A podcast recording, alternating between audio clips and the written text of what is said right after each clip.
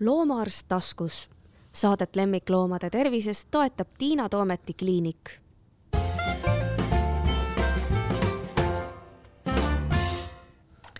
tere, kuulate järjekordset Loomaarst taskus saadet. minu vastas istub Madis Leivits, tere. tere, tere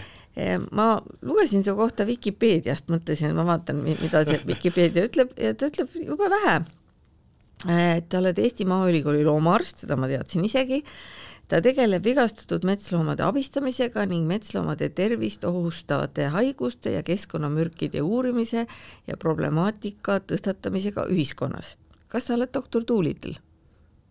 ei, ma ei saa aru, äh, mida need loomad räägivad, kui, kui me mõtleme sedasi, et et aga... Doolittle sai aru juba nagu eos, eks ju. no ta talle... rääkis vist, nagu ma aru sain aga eks iga loomaarst on natuke doktor Tuulitel. Tuulitel jaa, aga no nagu metsloomadega mulle seostuks Tuulitel või siis nagu minu lapsepõlves, ma ei tea, sa oled nii palju noorem, et et sina doktor Aibolitist ei tea midagi või? Aibolit tuli venekeelsest sõnast aibalit, ai valus ja eesti keeles tehti siis samasugune analoog oli doktor Aivalus aga need on sulle vist tundmatud tegelased. see Aibolit kuskil midagi hästi häguselt, aga tõesti jah mida sa teed, kuidas sinu tavaline tööpäev välja näeb oh.? kui tavaliselt küsitakse, et millega ma tegelen, siis ma tavaliselt ütlen, et ma olen hunt kriimsilm, et üheksa ametit, kümnes on nälg, onju. Mhm, mhm, lihtsalt ei ole aega söömiseks. ja tegelikult äh, jah, et paremini olen tuntud kui metsloomade ravija, onju, ehk siis selleni ma jõudsin sellega, et noh, ikka isa oli bioloog ja vanasti äh, kui sa olid looduskaitsesüsteemis, siis see tähendas, sa käisid välitöödel, ehk siis mul ja mu vennal oli kohustus isaga käia looduses ja eks siis juhtus ka sedasi, et eh, toodi kuskilt mõni langetatud pesast äh, orvuks jäänud viu või muu elukas ja see oli nagu selline suvetöö, nende üleskasvatamine. ehk siis sealt selline kontakt metsloomadega ja loomaarst oli nagu selles mõttes nagu loogiline, et, et bioloogiasse sisse ei saanud, onju. loomaarsti sain, tänapäeval vist on see vastupidi. ma arvan, et tänapäeval on vastupidi kindlasti. et äh, aga mis ma siis veel teen, et äh, selleks, et ähm, palka saada, tuleb projekte kirjutada, tihtipeale ähm, siis need on seotud metsloomade tervisega, looduskaitse valdkonnaga, kuivõrd siiamaani ju tegelikult Eesti looduskaitse eriti liigikaitse on hästi sõltuvuses olnud mingi maalapi kaitsest, aga väga paljud just need suured loomad, kes elavad suurel alal, see pesapaiga või ähm, siis mingisuguse lapi kaitsmine, mis taimede puhul toimib väga hästi, ei toimi, vaid tuleb vaadata, et milli-, kuidas neil selline suurem toidubaas on, kus, kas seal on mingisuguseid ohtlikke asju, sest tegelikult ju siin seitsmekümnendatel oli aastad, kus Eestis ei sündinud või ei olnud ühtegi edukat merikotka pesitsemist. Ja see ei olnud sellest probleem, et nagu pesapaikasid ei olnud või pesi ei olnud, vaid lihtsalt olid saasteained keskkonnas, kloororgaanilised pestitsiidid, mis eh, kahjustasid nende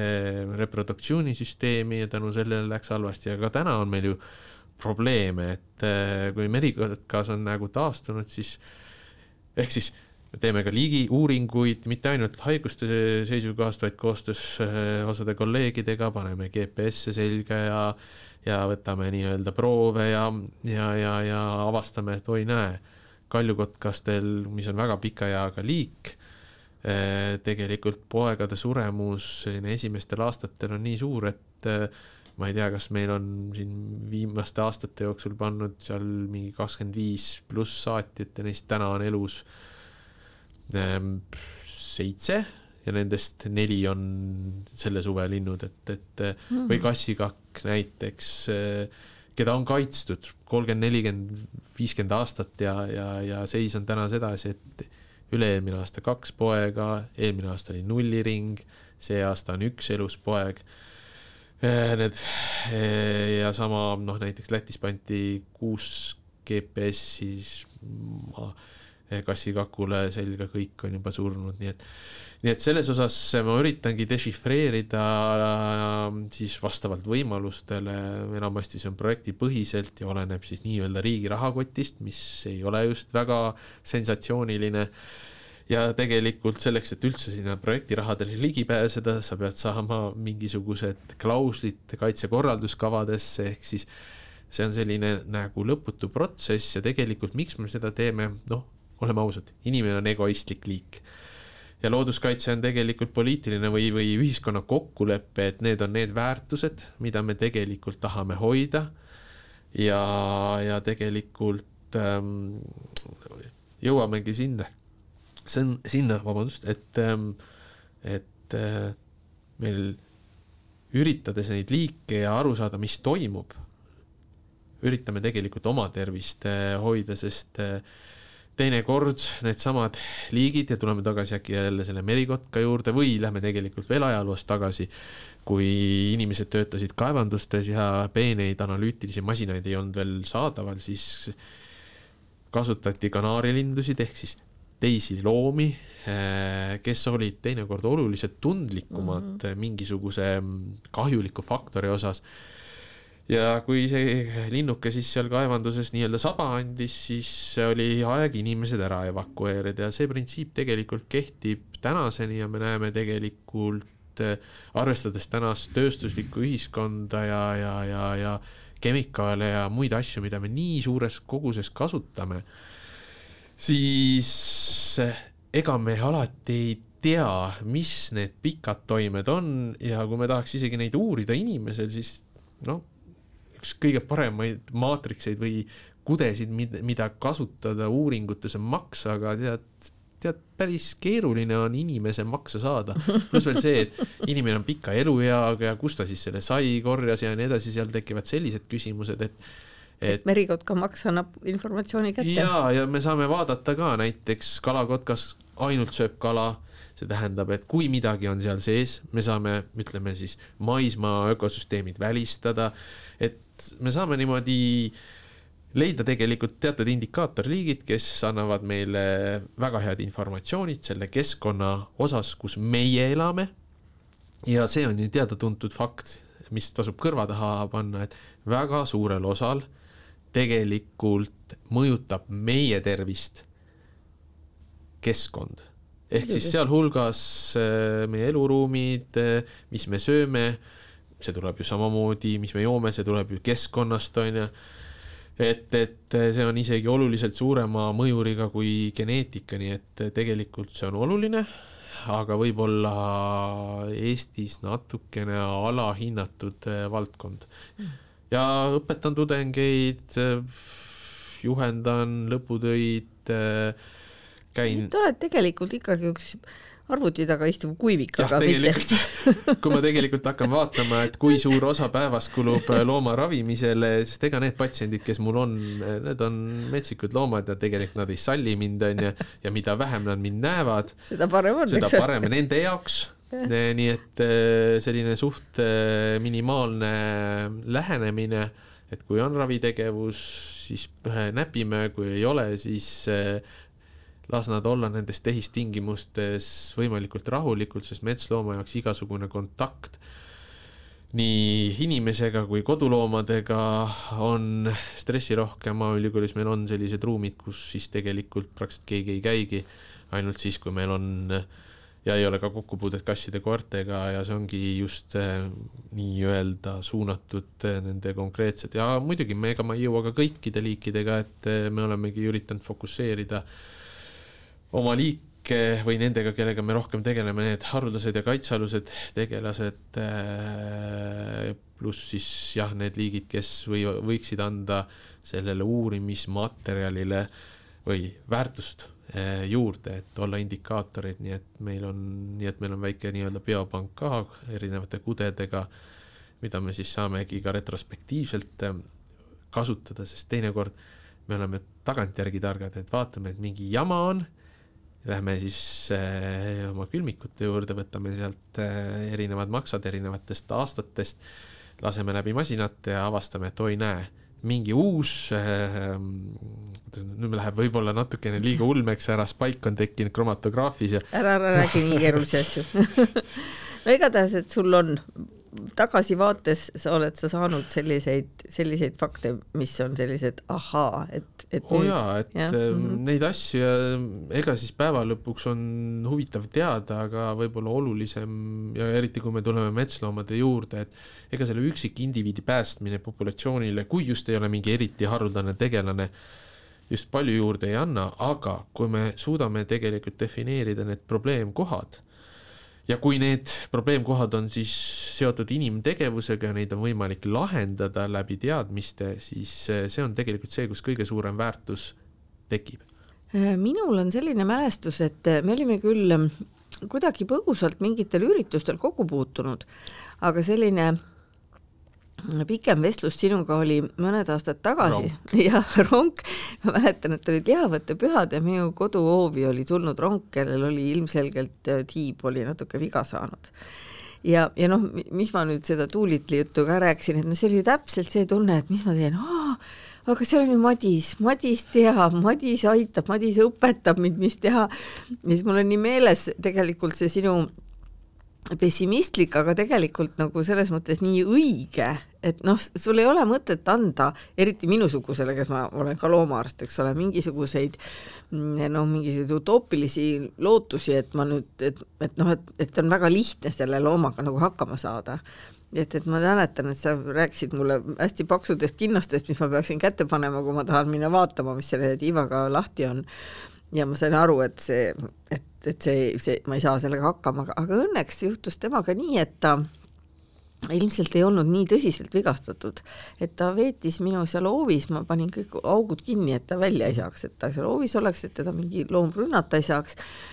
ja siis ta seal kõmpis ja, ja, ja, ja kuna sa ütlesid, et ta peab liha sööma, siis mul oli sügavkülmas oli mul natukene põhjapõdra liha, millest ma tahtsin teha oma lemmikrooga porokäristust, aga see läks selle ronga toitmise peale siis.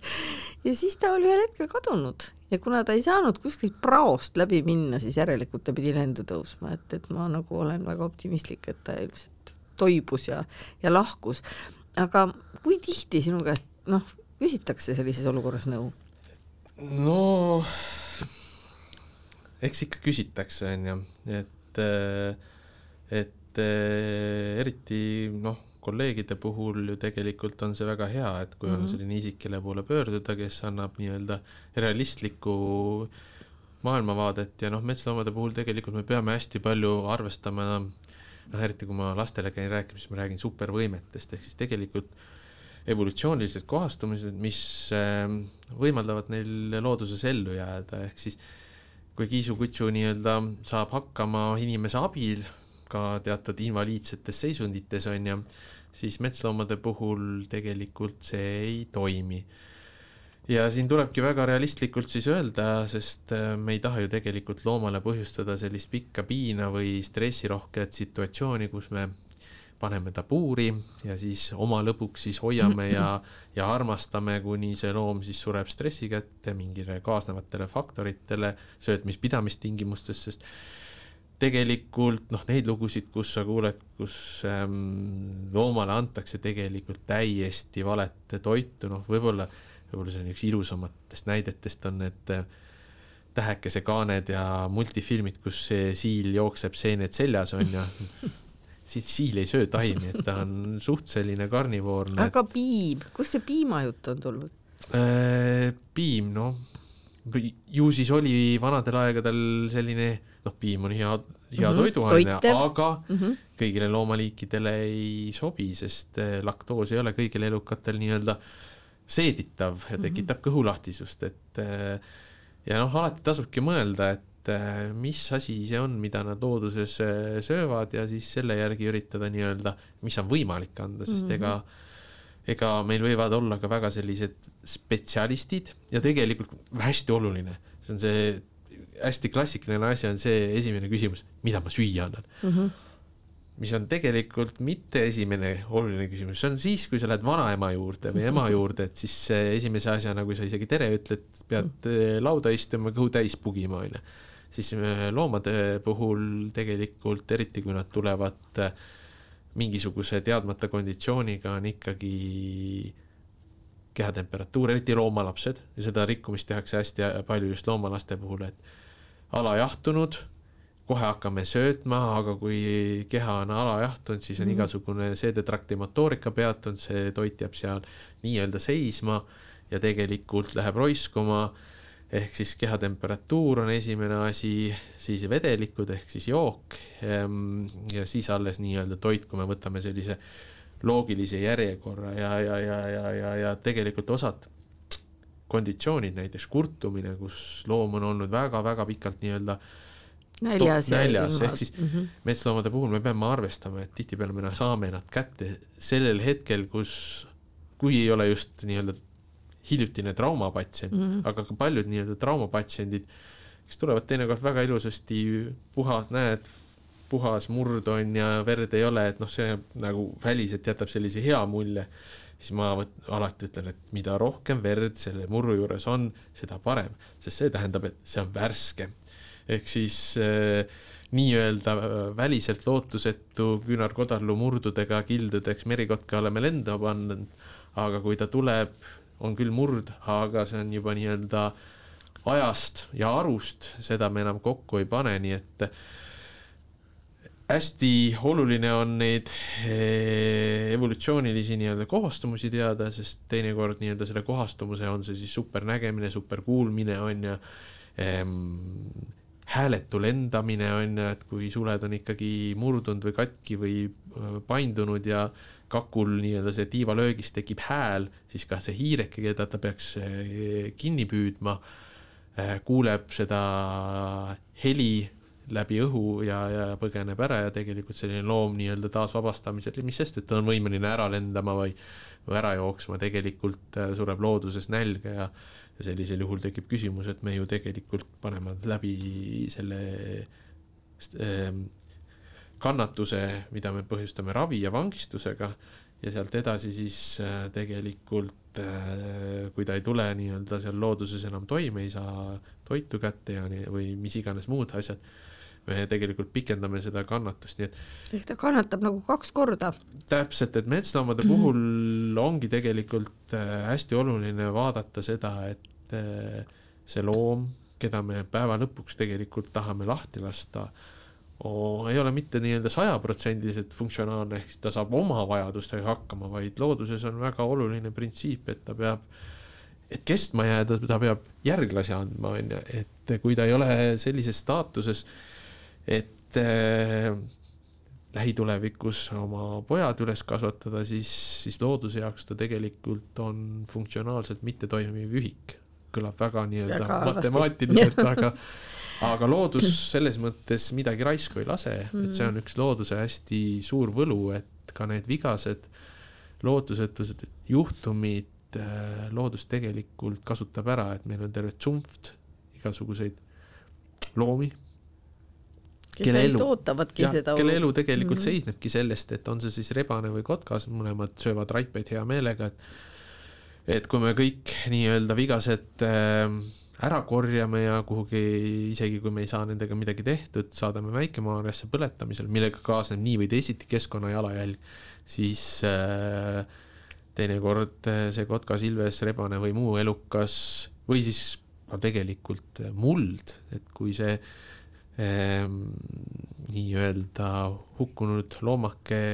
mullaks muutub, sellest kasvavad taimed ja, ja uus elu läheb ringile, nii et et tast on ikkagi nagu kasu olnud. et,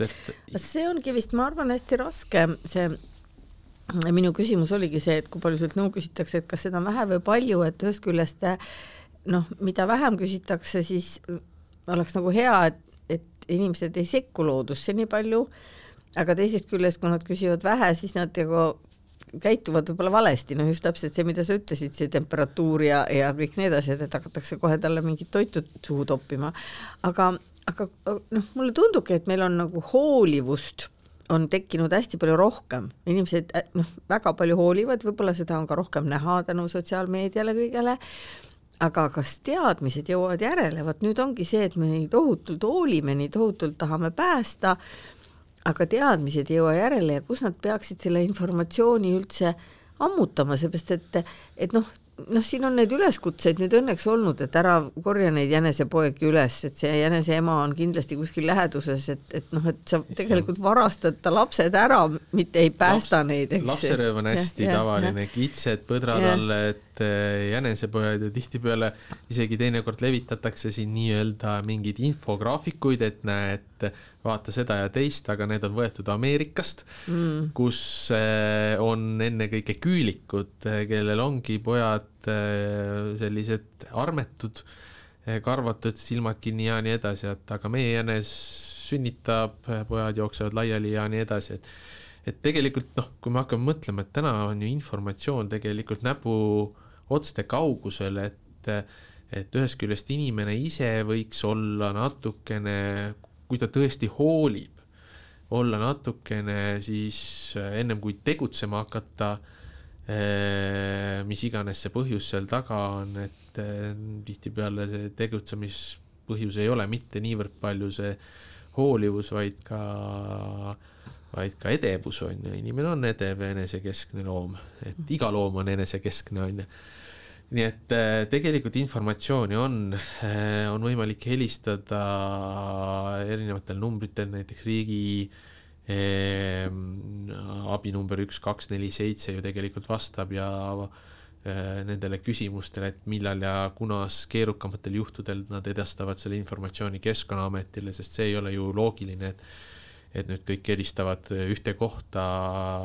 ja riigil on tegelikult need struktuurid olemas ja need toimivad, kas need vastused, mida see inimene tahab kuulda, alati on need, mida me tahame ise, sest ega ju tihtipeale meil on selline üleromantiseeritud visuaal, et nüüd tuleb kuskilt üks roheline auto või sinine võtab selle looma, viib loomakliinikusse, seal loomaarst teeb imesid ja see loom pääseb tagasi mm -hmm. vabadusse. siis aga... kõik vaatavad heldinult, kuidas ta jaa, kapab kaugusesse. aga tegelikult mm -hmm. ma ütlen ausalt, eh, olles siis töötanud eh, Ameerikas ühes maailma suurimas metsloomade rehabiliteerimis- ja ravikeskuses, siis seal oli täpselt samasugune statistika, et tegelikult üks kolmandik nendest loomadest, kes siit-sealt ära korjatakse, läheb tagasi loodusesse suur osa tegelikult läheb kohe eutanaasiasse, sest eh, mida parem on sul tegelikult diagnostika ja teadmiste pagas, on ju, seda rohkem sa leiad teinekord selliseid probleeme, näiteks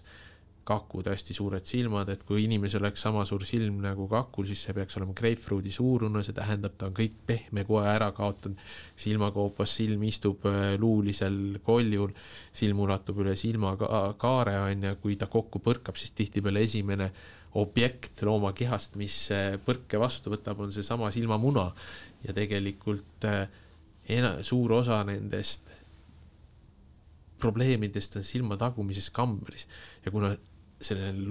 liigil või loomarühmal kakkudel ehk siis öökullid äh, rahvakeeli on üüratult hea kuulmine, ehk siis tegelikult seda hiirekest jahi käigus nad haaravad mitte nägemise peale, mida sa sealt lehehunnikust või äh, rohust ikka näed vaid kuulmise järgi, siis nad suudavad tihtipeale ka selle pea sellises äh, inimkeskkonnas äh, õigesse suunda keerata ja, ja tunduvad visuaalselt, aga tegelikult on täiesti nagu kastpimedad aga kas ta saab hakkama pimedana või? ei saa, ei saa, ei saa. ja noh, eriti kakkude puhul veel võib nii-öelda ühe silmaga hakkama saada, kuna nende silmad on nii-öelda suhteliselt äh, ettepoole suunatud, mhm. on ju noh, eks sügavuste hindamine on problemaatiline, aga kui sul on päevase eluviisiga röövlinnud või noh, linnud. ma mõtlen, see kakkude hiire kätte saab kuulmise järgi, mis tal häda on siis, polegi silmi vaja. no aga kui sa lendad metsas ma ei tea, vot seda ma küsingi sinu käest. et, et, et, et, et, et sul on ikkagi vaja näha, kus puu ja oksad on, et need mm -hmm. ei ütle sulle, ei yeah. krõbista, onju. ja võib-olla see krõbin võib olla mingi suurem elukas, keda sa ei taha nagu rünnata, onju eriti väiksemate kakkude puhul, aga tuleme nüüd sinna näiteks eh, nende liikide puhul, kus see silm on rohkem külje peal ja nokk on ka vahel, et kui sa ühes silmas kaotad nii-öelda nägemise ära, siis tegelikult terve üks kehapaal on pime ja kui sa seal metsa vahel äh, lendad, on ju, siis põh, pauh ja pauh lendad mm -hmm. nii-öelda vastu oksi, puutüvesid ja murrad hoopis endal äh, siis äh, kaela tiiva ära, et Või ja tiiva. ikka, ikka, mhm. ikka oled nii-öelda maas vigasena ja näljasena äh, lõpuks no aga inimesed ikkagi tahavad aidata ja noh, ma olen sinuga nõus, et vahel on see edevus, aga ma arvan, et ikkagi hästi paljudel juhtudel see on ikka nagu niisugune haleduse tunne, et sa, sa nagu inimesestad looma, noh, et ma, ma arvan, et minul ka oleks kohutavalt raske minna mööda haavatud loomast, sest ma mõtlen, et ta ju piinleb. mul, minu jaoks ei ole, noh, ma olen loomaarst ja minu jaoks ei ole nagu surm hirmus. Minu jaoks on piinlemine hirmus ja ma olen eh, noh, ka iseennast lohutanud, kui ma olen pidanud tegema eutanaasiat lemmikloomadele ja mitte vähe, et see on paratamatus, sest et looduses sellist pikka piina ei ole aga mulle nüüd tundub, et kui ma sinuga veel natuke räägin, et siis ma saan aru, et ma olen täitsa valel teel olnud. noh, ma olen nagu endale kogu aeg öelnud, et, et kui see haige koer või kass oleks nüüd metsas siis tuleks keegi ja teeks talle suhteliselt ruttu käeks ja, ja ta ei peaks piinlema. sest ta on toit teistele. ta on toit, aga nüüd ma mõtlen jälle, et aga äkki seda käeksutajat ei ole lähikonnas ja ta ikkagi sureb seal piinarikkalt nälga no, mingi viie päeva jooksul ja see on ikka nendel juhtud, kole ju. Nendel juhtudel tegelikult, eriti kui on nii-öelda inimese käsi mängus, et eh, siis ikkagi võiks inimene ka selle nii-öelda lõpu ära teha, onju ja, ja no. et, et ja. sõidate noh, kokkupõrge kitsega näiteks, kits nii-öelda seal noh, ma ei hakka visuaalselt ilusat pilti joonistama sõnadega, aga, aga, aga, aga, aga tõesti, et kas siis kutsusi teha see ise ära või kutsuda sa oled muidugi küll hea teha ise ära. Kellele me seda räägime, kusjuures mul on üks kolleeg, kes ei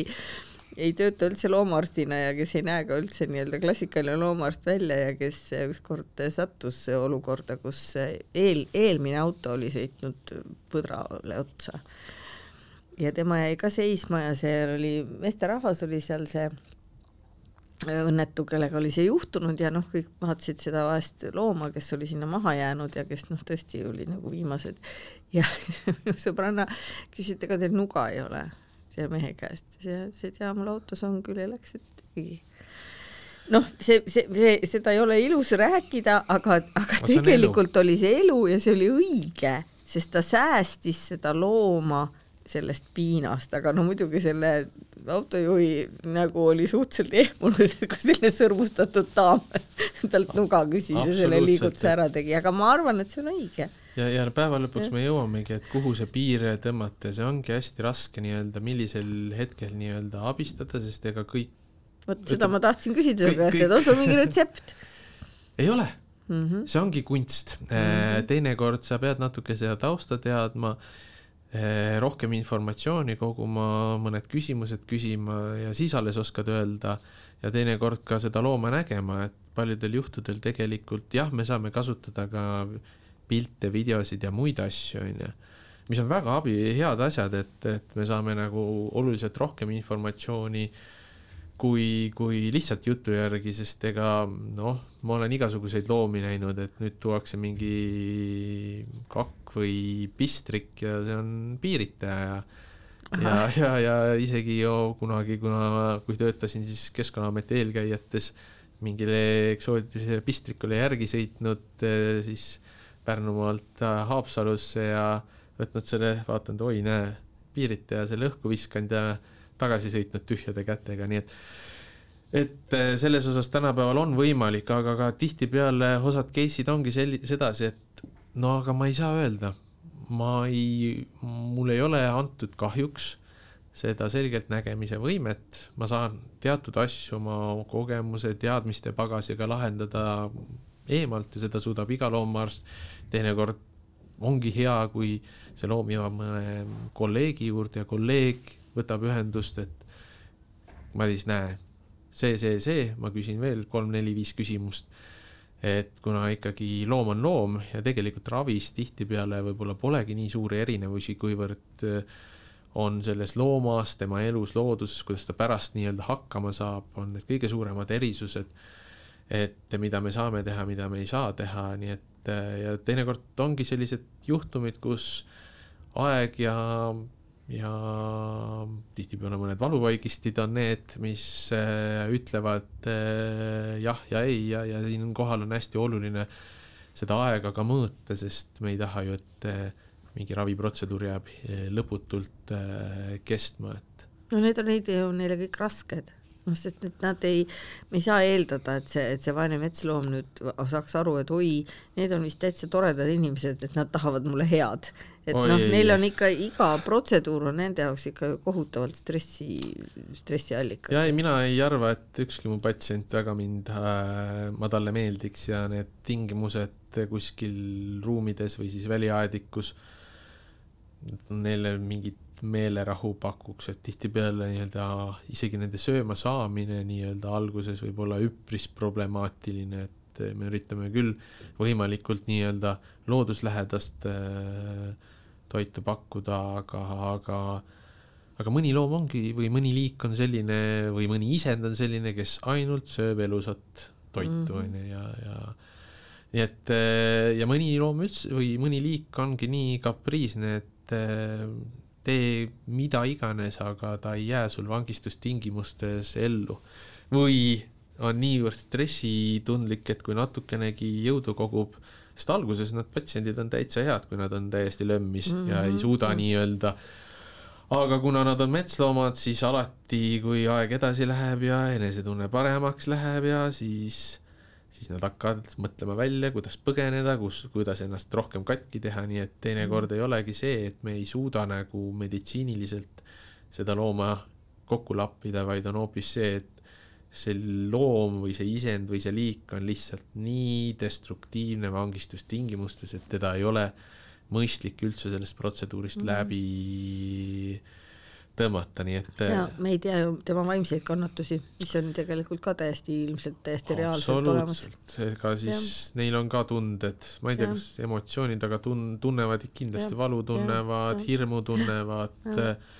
et äh, eks me oleme nende jaoks tihtipeale selline oht. Jah, aga nemad on ju ka meeleohtlikud, et see, seda peab ju ka alati arvestama, et, et noh, sa võid jälle ka, et ma liginen sellele nunnukesele nüüd heade kavatsustega ja tahan teda aidata, no mul on lihtsalt selle rongaga meeles, et sa ikka kõvasti hirmutasid mind ja, ja ma tõesti, mul kadus igasugune soov minna teda lähemalt näppima, mis noh, nüüd tagajärgi mõeldes oligi ainuõige, et ma lasin tal rahus olla ja ta, ta paraneski ise et mis on need ohud, noh, mille eest peaks ka jälle sellist üliaktiivset inimest hoiatama, sest noh, õnneks meil ei ole ju marutaudi enam, aga mina mäletan viimast marutaudi surnud inimese juhtumit. ma ei tea, kas sa tead seda, see oli väga kole lugu. noh, kiired. ja ei, see oli hoopis veel hullem lugu, see oli tead selline lugu, et üks laps leidis äh, haige metskitse ja ta käis seda hooldamas mm -hmm. enda noh, haruga seal kuskil, pani ta kusagile noh, metsas oli mingi onn või jumal teab kus ja see suri ära, ta ei rääkinud kellelegi. ja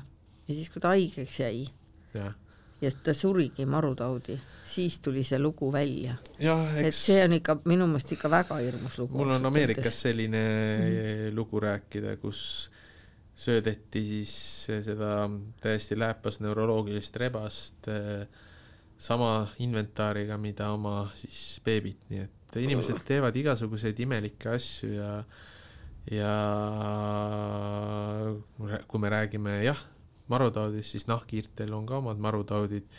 Seda on meie naaberriikides suudetud ära diagnoosida, meil lihtsalt ei ole seda otseselt uuritud ja oleme nii et päris... me ei tea, et kas meil on jaa, mm. üks oluline asi, mida tasub nagu endale nii-öelda kõrva taha panna, on see, et teadmised on puuduvad, ei tähenda, et asja ei ole olemas, mhm, on ju. mhm. Aga kui tuleme nüüd ohud, eks need füüsilised ohud on sellised kõige esmajoones, et, et eks need loomad ikka üritavad kas siis ära põgeneda, kui see ei ole võimalik, siis kui liiga lähedale läheb, üritavad ennast kaitsta. üks positiivne asi nii-öelda metsa või noh, metsloomade puhul esiteks on see, et eh, enamasti nende käitumine on ikkagi selline loomuomane, ehk siis nad, neil on teatavad kaitsevahendid, küünised, nokad, muud asjad ja nad kasutavad neid vastavalt sellele, kuidas see neil programmeeritud on, ehk siis kui sa tead seda, siis sa ja kasutad vastavaid kaitsevahendeid, siis sa oskad ka tõenäoliselt neid suhteliselt hästi neutraliseerida.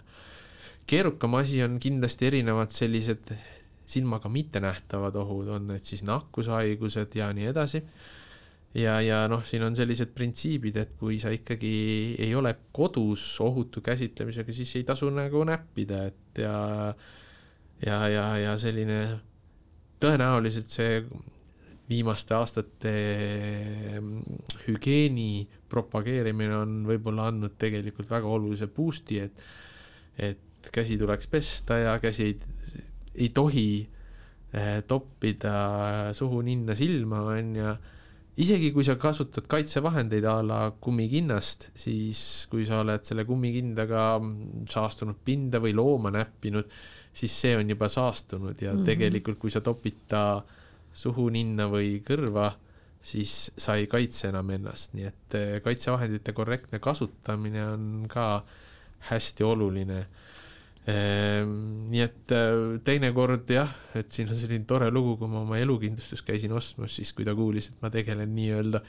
metsloomadega, siis sellel kindlustusmaakleril läks kohe nägu naerule, et oi, teil on vist väga ohtlik töö. ja siis ähm, mõtlesin, et aga näe, vaata, mul rääkisin sama juttu ära, et tegelikult ma tean, millega ma tegelen. ja kui ma hakkan oma arme, mida mul praktiliselt polegi, võrdlema siin lemmikloomaarstidega, siis ma jään alla, sest tihtipeale need koduloomad, eriti kui me hakkame nüüd mõtlema ka, et millal siis viimati metsloom ründas inimest ja millal ründas koduloom, ehk siis tihtipeale siin koerad on teinud õõvastavaid tegevusi siis selline kiisu paitamine võib suht kiiresti lõppeda sellega, et terav valu ja kas siis küünised või hambad on sul käes ja, ja tegelikult, kui me hakkame vaatama, kes see kõige ohtlikum loom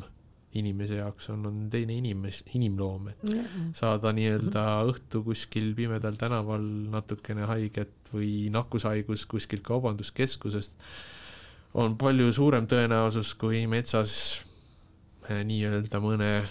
metsloomarünnaku ohvriks noh, kui sa ise ei lähe talle ligi, siis pigem ta ikkagi üritab vist eest ära minna, ma arvan, et, et kui tal just ei ole pojad, keda ta kaitsma peab. Mm -hmm.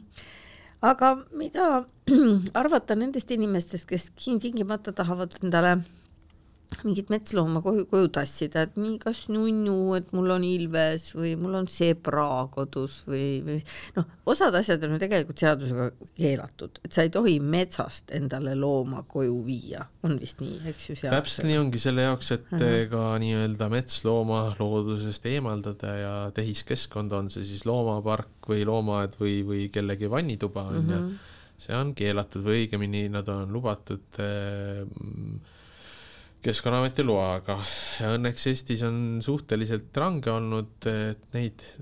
tulevikuprobleeme vältida, et meil oleks nii-öelda söötmise, pidamise ja muude hädadega ja me näeme neid eksootiliste loomade pidajaid ju küll, kes võtavad äh, suure raha eest tihtipeale endale sellise eksootilise äh, soojamaa või isegi siit nii-öelda kuskilt kasvandusest pärit metslooma ja ja midagi juhtub, sest need pidamistingimused ei ole sobilikud või on seal nii-öelda söötmisprobleemide all, ainevahetusprobleemide all, tekivad sellised vigastused ja, ja, ja siis tihtipeale on vaja minna loomaarsti juurde, noh, hea, kui sa leiad. jah, ega neid pole ju, kes jah, õnneks meil Eestis on ikka no mõni, aga mõni, ikka väga mõni, palju aga, ei ole. aga, aga tihtipeale igasugune selline nišid nišiasi on ka üpriski kallis ja ega siis loomapidamine ongi, võiks öelda, kohati luksus. ja, ja kui me räägime metsloomast vangistustingimustes, siis see kindlasti ei ole selle looma jaoks mingisugune hea asi, et eh, eks need geenid on ikkagi aastasadade, tuhandete või sadade tuhandete jooksul kohastunud looduses hakkama saamisel ja inimesest eemal ja neid sunniviisiliselt siis lemmikloomaks tegemine tõenäoliselt äh, võib olla üpriski selline piinarikas neile. jaa, et see kindlasti võib tekitada sellist imelikku ähm, noh, nagu ma ei tea nüüd, kuidas seda interpreteerida, ega me ei tohiks võib-olla äh, siin selle nii-öelda Elistvere hundi kohta midagi öelda, aga ei tea, miks ta sealt ära põgenes mm. -hmm. et et äkki talle ei meeldinud see inimeste hordid, mis hakkasid tegelikult kohe ja, sinna aia taha. ju tegelikult väga kardab Kui, inimest. ja kuigi, kuigi ta oli loomaaiast pärit. nojah, aga ega seda ei tea. see on selles mõttes jälle naljakas paradoks, et, et ma kujutan ette, et keegi, kes tahab omale mingit eksootilist looma, siis ta ilmselt nagu väga armastab või talle väga meeldib see liik, noh, noh, võiks olla loogiline, et, et, et ma tahan seda, sest ta mulle väga meeldib, mina näiteks varaani ei taha, sest minu meelest varaan on natuke minu jaoks hirmutav. aga see inimene, kes selle võtab, siis ta võiks ju olla selle looma fänn. ja kui sa mõtled, et kui sa oled selle looma fänn, siis sa ju tahaksid, et ta elaks hästi, et ta elaks maailma kõige paremat elu ja siis sa oled ju kui sa oled selle looma fänn, siis sa ilmselt oled endale ka selgeks teinud, et missugune oleks selle loomale maailma parim elu. Ja, ja ma arvan, et siis nagu normaalne inimene võiks aru saada, et ma ei suuda talle seda tagada, et ma ei võta teda endale. aga noh, see on vist ikka see niisugune edevuse värk küll, vot seal ma olen küll nõus, et see on looma, jah, me võtame aluseks nii-öelda inimeste poolt kokku lepitud eh, mingisugused eh, loomaiapidamistingimusnõuded, mis ilmtingimata ei ole ju tegelikult looma bioloogia või sellises nii-öelda loo-, elu, looduselu eh, aluseks, et see on mm. nii-öelda selline inimesepoolne pealesurutud kokkulepe, et nüüd see elukas ta pole kellegagi kokku leppinud, ta on no, tal peale surunud sellele jaa, elukale selle et, et, et, et kui me võtame, siis hakkame tegelikult vaatama, et eriti kui on mingid rändliikidega, siis nad teevad ähm, selliseid noh, tuhandete kilomeetriseid retkesid iga-aastaselt või, või, või, või nende kodupiirkond on juba, kus nad li ringi liiguvad ja lendavad ja toimetavad, on ruutkilomeetreid suured eh, tihtipeale, et, et, et nüüd tagada selline samaväärne elu, see on ju tegelikult täiesti võimatu, nii et, nii et eh, kindlasti noh, siinkohal tuleb nii-öelda olla kriitiline ja, ja oma nii-öelda pakkumises sellele loomale.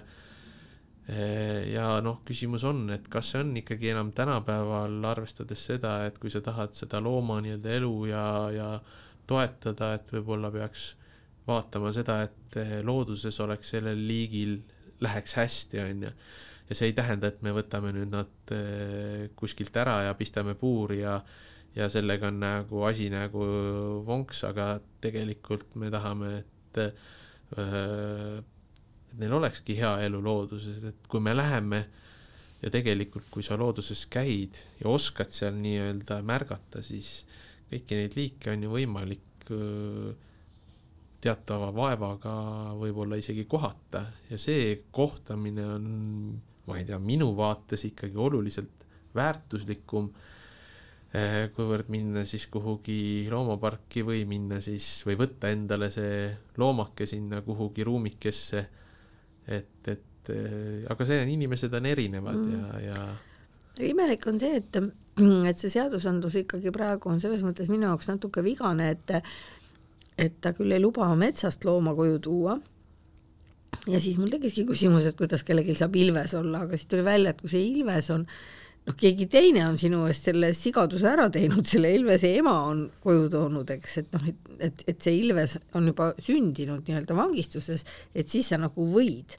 on, on see nii või ma olen valesti aru saanud? kuidas need ilvesed ja sebrad siia saabuvad meil? kas oli kaks või teatud põlvkondade arv peab olema vangistuses, et siis, eh, siis see on nagu lubatud, on ju. ja need peavad olema kõik nii-öelda kiibistatud, märgistatud, mis iganes. aga ikkagi see võiks et, ka olemata olla minu meelest. jah, et ehm, noh, see debatt, äh, kas ja millisel kujul üldse see äh, loomade vangistuses pidamine, see on võib-olla tänapäeval asi, mis on veel läbi käimata. ja, ja, ja kas ütleme, loomade vangistamine siis meelelahutuslikul eesmärgil, mida ka lihtsalt looma näitamine ju tegelikult on, et mm. et see on, see on selline nii-öelda keerukas eh, koht, kus tegelikult ühiskond ja tõenäoliselt see on aastate küsimus, see tõuseb kindlasti üles, et, et ja noh, isiklikult ma pigem jah, käin looduses ja mm. näen neid elukaid seal ja, ja, ja, ja see, kui sa ikkagi näed mingisugust haruldust peale pikka vaeva, et see on nagu natuke teine väärtus, kui, kui sa näed teda kuskil puuris. no ilmselt ikkagi see, et need asjad läheksid paremuse poole, et inimesed saaksid aru, et, et loomal ei ole minu kodu seal toanurgas hea või et, et et ära mine jänesepoega päästma ja, ja kõik järgmised asjad. See kõik vähehaaval läheb paremaks, ma väga loodan. see on lihtsalt vist tähtis see, et kui palju sinusugused ja veel mõned jaksavad rääkida, jaksavad seda informatsiooni jagada, sest ikkagi ma näen tihtipalu ka seda, et et asi ei olegi mitte nagu mingis halvas soovis või, või, või, või milleski loomadele halba soovimises, aga, aga inimesed lihtsalt, lihtsalt ei tea ja, ja vahel on see rumalus nagu nii uskumatu, no see, see lihtsalt nagu plärtsatab sulle nagu vastu nägemist. ma toon ühe näite siia, meil hakkab saade lõppema, et et minu meelest see on nagu, et oli hästi tore film oli see Eia jõulud tondikakul, eks ole ju, ja päästeti seal nüüd seda mingit, oligi kakuline vist, eks ole, nii, ja, ja kõik oli nagu imeilus ja imearmas, kogu see film. ja filmi lõpus kogu see loomasõprade kamp vaatas metsas ilutulestikku. mul lihtsalt, mul lihtsalt langesid käed ripp, rippu, ma mõtlesin, et mis asi see nüüd on, et kõik need habekakud ja need muud armsad loomad on praegu seal noh, täiesti hullumas sellest õudsest lärmist ja valgusest ja teie, kes te nagu neid päästsite, tegite nagu selle ühe õhtuga nagu sellise jama keerasite nendele loomadele kokku. ja siis ma just mõtlesin, et noh, ega see oli ju kenasti mõeldud, ega seal need inimesed on ju noh, nad on loomaarmastajad, nad poleks teinud sellist filmi muidu. no lihtsalt nagu natukene kusagilt informatsiooni, et et oleks jätnud selle viimase stseeni ära, ma, ma, ma olen täiesti lihtsalt mõtlesin, et ma ei, ma ei usu oma silmi. jah, et noh, inimene on selline loom, et eh, ühtepidi väga ilus, aga teine, teistpidi teinekord ja noh, tihtipeale see käitumine tulebki just antud hetkel mingite tunnete, emotsioonide ajel ja võib-olla noh, mida ma alati ka ütlen, et ennem kui hakkad tegema, võta üks paus, mõtle kogu mm. plaan läbi, et kui sa lähed nüüd, võtad selle eluka sealt ära, mis on need järgmised sammud kuhu see läheb, kes temaga edasi tegeleb ja nii edasi, et see loomapääste, mis iganes loomapääste, ei ole ainult, et ma võtan su sealt ja viskan kuhugi ja siis ta on kellegi teise mure, on ju. ehk siis tegelikult teinekord, kui sa võtad selle nii-öelda stopp, nii, mõtleme nüüd läbi, mida mina saan teha ja, ja nii-öelda organiseerid, ühesõnaga genereerid plaani ja ma oma tudengitele ka alati, ennem kui nad nii-öelda raviprotseduuri hakkavad tegema